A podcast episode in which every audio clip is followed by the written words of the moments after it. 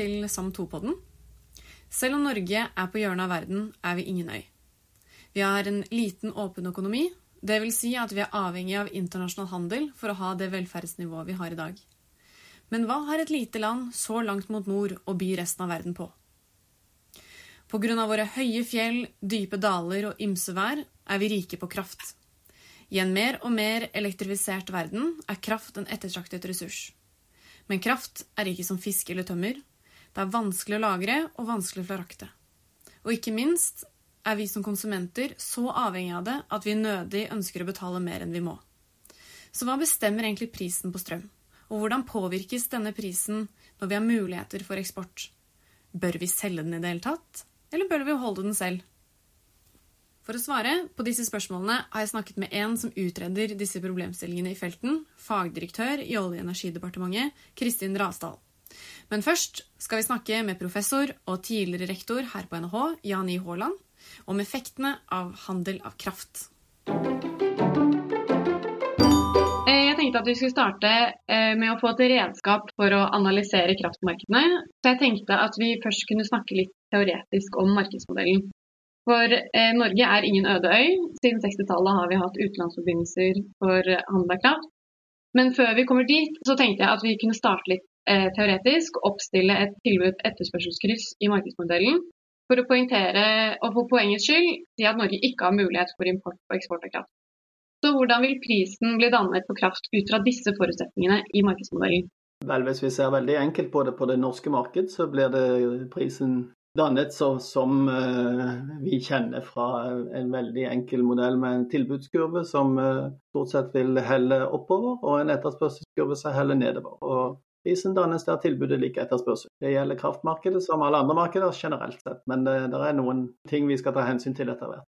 Og hvorfor eh, heller tilbudskurven oppover? Tilbudskurven har med marginalkostnaden, grensekostnaden for å produsere kraft å gjøre. Så vi bruker den billigste kraften først, og etter hvert som vi skal bruke mer og mer kraft, så blir det dyrere å produsere den siste enheten. Så grensekostnadene stiger. Og for etterspørselskurven, hvorfor går den nedover? Ja, det tror jeg de fleste av oss kjenner oss igjen på. Jo dyrere en vare, jo mindre etterspør vi etter den varen. Det samme gjelder på strøm.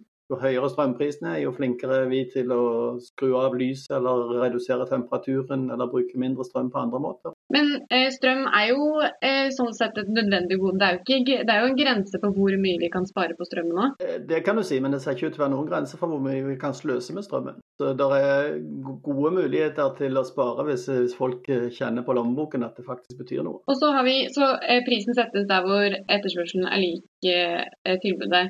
Men en ting som jeg har lurt på er på en måte sånn, men hvorfor kan ikke produsentene bare ta en høyere pris enn grensekostnaden?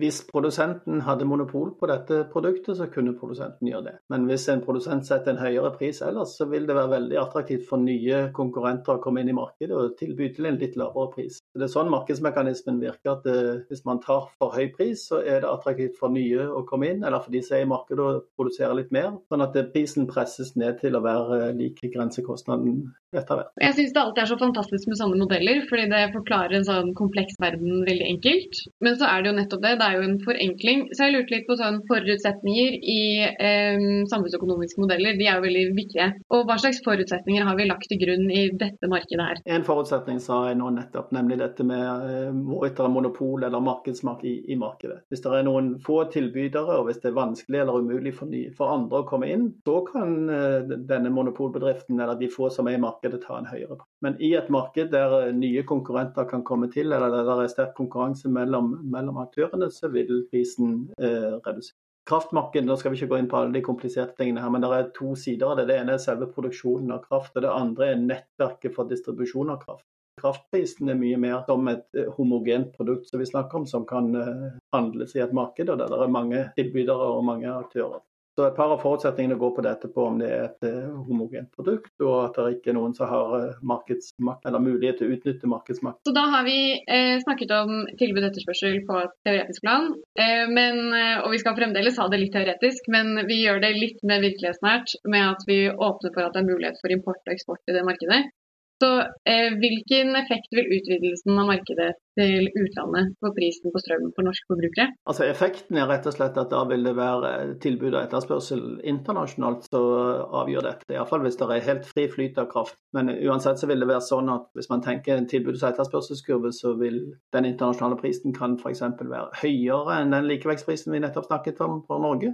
Da vil prisen i Norge også gå noe opp, og vi vil eksportere noe av kraften og kanskje bruke litt mindre innenlands, avhengig av hvor stor prisforskjellen er. I hvilke scenarioer vil prisen i utlandet være høyere?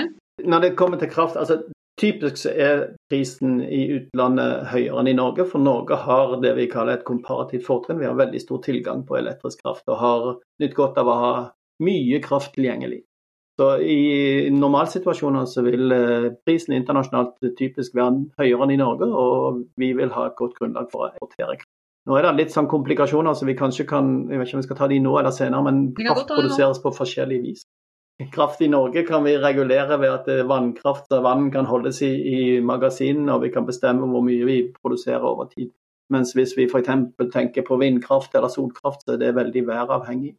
Sånn at det å kunne handle med andre land, det betyr også at vi kan få et noe mer stabilt eh, marked. Vi kan importere kraft i de perioder der det er veldig billig å produsere vind- og solkraft, og så kan vi eksportere kraft når det er mindre, enten når prisen er veldig høy, altså etterspørselen er veldig høy ute, eller når tilbudet er lavere ute. Og Det er sånn det faktisk skjer òg. Siden vi begynte å handle kraft, så har vi både eksportert og importert kraft hvert år, men vi eksporterer typisk betydelig mer enn det vi importerer. Eh, jeg lurte litt på Hvorfor har Norge valgt å åpne for fri handel av kraft? Eh, hva er fordelene, hva er ulempene? Vel, Det er klare fordeler med fri handel, ikke bare for kraft, men for mange andre produkter. Husk at Kraftmarkedet var veldig begrenset av de fysiske muligheter for å eksportere kraft. Fysiske muligheter fra kabler til andre land osv. Det var ikke noe som var begrenset politisk på den måten, men det er selvfølgelig en politisk side av det også. Fordelen med å kunne handle internasjonalt er rett og slett at da får vi mer igjen for de ressursene vi har mye av, som elektrisk kraft, mens vi kan få produkter der vi har knapp tilgang innenlands til lavere priser. Så rett og slett så får vi utnyttet våre ressurser mye bedre når vi kan handle med andre land som har et annet ressursgrunnlag enn oss. Det er omtrent som du om du tenker på din private økonomi eller en bedriftsøkonomi, hvis man kan selge det man er flink til å produsere dyrt, og kjøpe det man er mindre flink til å produsere billig, så tjener man på det. Og når du sier da tjener vi på det, da snakker vi om samfunnet, ikke sant? Da snakker vi om samfunnet, ja. Men eh, jeg som konsument, jeg er jo ikke på en måte samfunnet. Så eh, hva er det liksom når vi samfunnet vinner på det, er det en forskjell på om det er produsentene som tjener på det, eller konsumentene som tjener på det? Eh, helt klart, Det er opplagt fordelingsvirkninger av enhver endring i markedsforholdene, vil jeg si. Også av å åpne for internasjonal handel. Så I markeder der vi typisk vil bli eksportører når vi åpner for internasjonal handel, som kraftmarkedet som vi snakket om, så vil produsentoverskuddet stige, hvis, på, hvis du tenker på etterspørsels- og tilbudskurver, mens konsumentoverskuddet typisk vil gå noe ned. Konsumentene betaler en litt høyere pris, konsumerer litt mindre. Produsentene får en høyere pris produserer noe mer og får et høyere overskudd. Det er de som tjener på det, tjener mer på det enn, en de som taper på det, taper. Så totalt sett så kommer vi bedre ut av det. Og Hvis da staten vil omfordele, beskatte kraftproduksjon mer f.eks., så kan vi alle få gevinster ved det. Så den fordelingsvirkningen kan man gjøre noe med. Altså Kaken blir større. Hvordan vi fordeler den er litt opp til hvordan vi gjør det innenlands. Har vi noen andre eksempler på gevinster ved handel enn det som man finner i kraftmarkedet? Vi har masse eksempler på gevinster ved handel. Norge som en liten åpen økonomi er stort sett uh, veldig godt tjent med å kunne handle internasjonalt. Men hvis vi skal ta et eksempel som er veldig nært i det vi nettopp har snakket om, kunne vi tenke på olje og gass f.eks. Bare tenk på en situasjon hvis vi ikke kunne handle olje og gass internasjonalt. Da ville mange ting skje. For det første ville vi hatt veldig mye mindre utbygging av dette, fordi det ville ikke vært lønnsomt. For det andre så ville det vært ekstremt billig med olje og gass i Norge, men vi ville ikke hatt så mye å bruke den til. Det er helt åpenbart at det er eksportmulighetene som der teller. Vi kunne også tenke oss for å komme enda nærmere til elektrisitetsmarkedet at noen bestemte at vi kun skulle kunne ha gassrørledning inn til Norge og ikke til andre deler av Europa. Igjen så ville det bli veldig tydelig for de fleste at vi tjener mindre på det. Og kanskje jeg kan legge til noe òg. Vi hadde gevinster ved internasjonal handel av elektrisk kraft lenge før vi åpnet kraftmarkedet. Det vi gjorde på hele 1900-tallet, var å eksportere vår billige elektriske kraft indirekte gjennom å produsere aluminium og andre metaller og treforedling Hvis vi ikke hadde hatt de eksportmulighetene, så ville vi heller ikke hatt uh, gevinst av handel. handelen og åpne markeder har hele tiden vært viktig også for uh, elektrisitetsmarkedet. Ja, så det hadde verken vært noe oljefond, og det hadde vært dårlig med norsk industri, hadde det ikke vært for handel? Absolutt. Det, det er to ting som vi åpenbart trenger eksportmarkeder for, for å kunne utnytte de ressursene vi har. Hvis vi ikke hadde internasjonal handel i det hele tatt, så ville veldig mange produkter bli veldig lite tilgjengelig i Norge. Veldig vanskelig å, å få for oss som konsumenter. Og Det gjelder alt fra elektronikk til uh, matvarer til uh, klær. Uh, altså mange ting som vi produserer veldig lite av i Norge, og som vi nyter veldig godt av å kunne importere fra resten av verden. Nå har vi sett på ett marked om gangen, altså på elektrisitet f.eks., eller olje og gass. Det vi egentlig gjør når vi snakker om internasjonal handel og gevinster på det, er jo å se på flere markeder sammen. Vi ser på såkalt generell likevekt, se hvordan markedene henger sammen. Så dette vil eh, NHH-studentene få høre mer om når de kommer til SAM4, til eh, det kurset som går på nettopp internasjonal handel, og hvordan markeder henger sammen, og hvordan den generelle likevekten er viktig. Og nå har du snakket om at Norge har et eh, komparativt fortrinn med at vi kan lagre vannkraft, og den har ikke, ikke utslipp knyttet til seg. Eh, og, så, og, Grunnen til at vi har en fordel, er fordi i, på kontinentet så har de hatt mye kull og gass eh, som har eh, utslipp knyttet seg. Men, hva, eh, men, nå har EU har et eh, mål om å fjerne utslipp av klimagasser fra kraftsektoren innen 2050. Eh, hva, gjør, hva, skjer med prisene i Norge når den kraftmiksen blir utslippsfri? Hva som skjer fremover, det kommer veldig an på kostnadene. Vi snakket innledningsvis om dette med tilbudskurven som var bestemt av grensekostnader i ulik produksjon av, elektrisk kraft. Så Det som skjer fremover, vil avhenge veldig av hva som skjer med grensekostnaden for å produsere kraft fra forskjellige kilder i Europa og i Norge for den saks skyld. Eh, på relativt kort sikt så får vi tro og håpe at CO2-avgifter og kvotehandel for CO2 gjør at det blir dyrere å produsere kullkraft, dyrere å produsere ikke-fornybar kraft i det hele tatt. Så det vil heve prisen. På lengre sikt, og vi ser jo det allerede, så, så vil andre typer fornybar eh, energi overta mer og mer. Og Da vil den langsiktige prisen rett og slett avhenge av hva som blir eh, grensekostnaden for, for, vindkraft og solkraft og andre, andre, energikilder som måtte komme. Så vi er tilbake igjen til markedsmodellen. Det er grensekostnaden for den eh, marginale produsenten eller den marginale typen energi som vil avgjøre det. Er én ting hvordan handel fungerer i teorien. Men hvordan fungerer egentlig handel av kraft i virkeligheten? Jeg ringte opp fagdirektør i Olje- og energidepartementet, Kristin Rasdal, for å høre hvordan vi faktisk setter prisen på strøm i Norge. Og hvordan krafthandelen med utlandet fungerer. Det må jo nettopp til, til enhver tid være balanse mellom produksjon og, og, forbruk av kraft. Og markedet eh, skal tilrettelegge for nettopp dette. Og så er det jo sånn at uh, det er en spesiell vare, og det er veldig mye som kan endre seg på kort sikt. Det kan bli kaldt, slik at forbruket øker, eller det kan bli vindstille, slik at uh, kraftproduksjonen fra et vindkraftverk eh, går ned. Og Derfor har man mange forskjellige markeder som skal sørge for at etterspørsel og tilbud av kraft balanserer dag for dag og time for time. Vi har et angro-marked, og så har vi et sluttbrukermarked. Og det er kanskje angro-markedet som er det mest interessante i denne sammenheng. Det er her de store kraftvolumene mellom kraftprodusenter, kraftleverandører, meglere og energiselskaper handles. Eh, mens i sluttbrukermarkedet så er det da den enkelte forbruker som inngår en, en avtale med sin, eh, med sin, kraftleverandør. Og Angro-markedet det det er, veldig sentralt for at man eh, kommer i, i likevekt. Og Markedslikevekten den sikres da i spotmarkedet en dag i forveien. Og I dette markedet så handles det da kontrakter med levering av fysisk kraft time for time neste døgn. Og det som er i dette markedet, det er at her tar man også hensyn til måtte, overføringsbegrensninger i nettet, og, og, kapasiteten vår, altså handelskapasiteten mot utlandet er også på en måte hensyntatt. Da. Og Måten dette foregår på i praksis, det er at produsentene melder inn hvor mye de ønsker å produsere dagen etter til et gitt prisnivå. Så er det store forbrukere og kraftleverandører som melder inn hvor mye de ønsker å bruke til ulike prisnivåer neste dag. Og ut fra de bud som kommer, så blir spotprisen bestemt av det som gir likevekt mellom produksjon og forbruk. Og Når prisene fastsettes på denne måten, så innebærer det at det er kostnadene ved å produsere kraft i den måte, siste kraftenheten, altså marginalkostnaden, som setter prisen. Og dette er en måte å sørge for eh, at de rimeligste energiressursene blir, blir brukt først, slik at kraftbehovet blir dekket til en lavest mulig kostnad for samfunnet. Og så Den markedslikevekten som oppnås i dette markedet, den, den danner et veldig godt utgangspunkt for at systemet kommer i balanse. Men likevel så kan jo mye skje fra markedsklareringen dagen før og til den aktuelle driftstimen. Altså F.eks. uventede temperaturendringer eller utfall av produksjon av ledninger. Hva kan påvirke at uh, tilbudssiden, altså hvordan uh, produsentene melder inn hvor mye kraft de kan produsere, hvordan, vil, uh, hvordan blir det påvirket? Altså det som har stor betydning for, for tilbudssiden, det er jo hvilke kostnader de har forbundet med kraftproduksjonen sin. Og De melder jo da inn hvor mye de ønsker å produsere til et gitt prisnivå. Og da er det sånn at Budene gjenspeiler den verdien som produsentene mener produksjonen, som produksjonen har.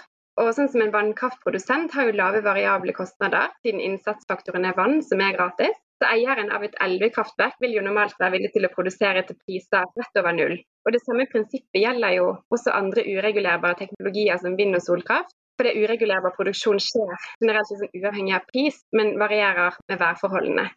Og så er det sånn at For termiske kraft som kull, gass og kjernekraftverk er det lønnsomt å produsere så lenge kraftprisen dekker produksjonskostnaden i den aktuelle driftstimen. Så disse kostnadene vil i stor grad avhenge av prisen på kull, gass og utslippskvoter for CO2. Og For norske vannkraftprodusenter så er det litt annerledes, for de har jo også muligheten til å lagre vannet. Så For de så vil vurderingen være litt annerledes. Og Disse produsentene må til enhver tid også vurdere om det skal produseres i dag, eller om vannet skal holdes tilbake for å kunne få en høyere pris på et senere tidspunkt. Og Det er forskjellen der mellom den faktiske og den forventede kraftprisen som, eventuelt gjør det lønnsomt å lagre vannet for korte eller lengre perioder. Men da har du eh, snakket litt om hva som påvirker tilbudssiden av prisene på strømregningen. Men kunne du sagt noe nærmere om hva som påvirker etterspørselssiden? Ja, altså eh, I Norge så er det jo særlig to fremtredende karakteristikker ved etterspørselen.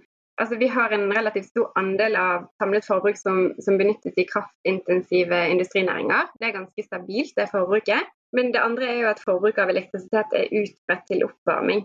Og Det innebærer at elektrisitetsforbruket i Norge er mye mer temperaturavhengig og har større sesongvariasjon enn i andre land, der eh, bruk av gass, jernvarme og andre energiløsninger er mer utbredt til oppvarming. Da. Vi har jo nettopp eh, vært inne i en periode med mye kulde. Og da ble det jo satt eh, flere forbruksrekorder. Da var forbruket i Norge veldig, veldig høyt. Så jeg tenkte å snakke litt mer om eh, hvordan vi er koblet til eh, resten av Europa. Vi er en veldig integrert del av nettverket i Norden. Og i tillegg så har vi noen direktekabler til kontinentet. Eh, så jeg lurte på om du kunne sagt litt om de forbindelsene vi allerede har, og hvordan de fungerer. Altså herunder hvordan de påvirker prisene. Ja, altså vi har relativt stor utvekslingskapasitet mot utlandet. Den første forbindelsen som, eh, som, kom, den var til Sverige. Den kom allerede i 1960.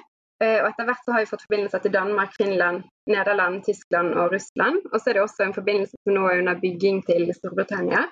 Og Historisk så har disse forbindelsene vært veldig viktig av hensyn til forsyningssikkerheten, for vi har jo et værbasert kraftsystem. Eh, og det er viktig at vi har muligheten til å importere strøm i tørre år. Men utvekslingskapasiteten har også betydning for norske kraftpriser i normale år. Eh, og det at vi har relativt stor utvekslingskapasitet mot andre nordiske og europeiske land, gjør at vi er en del av det samme kraftsystemet og det samme markedet. Så forholdene i disse landene påvirker oss. Og Spesielt så ser vi at prisnivået i Norge påvirkes av hva det koster å produsere kraft i termiske kraftverk. For det er ofte det som setter prisen på kontinentet. Og det, det betyr jo at prisen på kull, gass og utslippskvoter også er viktig for prisdannelsen i Norge. Og så er det også sånn at Den fornybare produksjonen og forbruksmengden i landene som vi er knyttet til, spiller inn. Og Når vi kobler oss til andre land som har høyere priser enn oss, så vil jo det å kunne øke norske kraftpriser.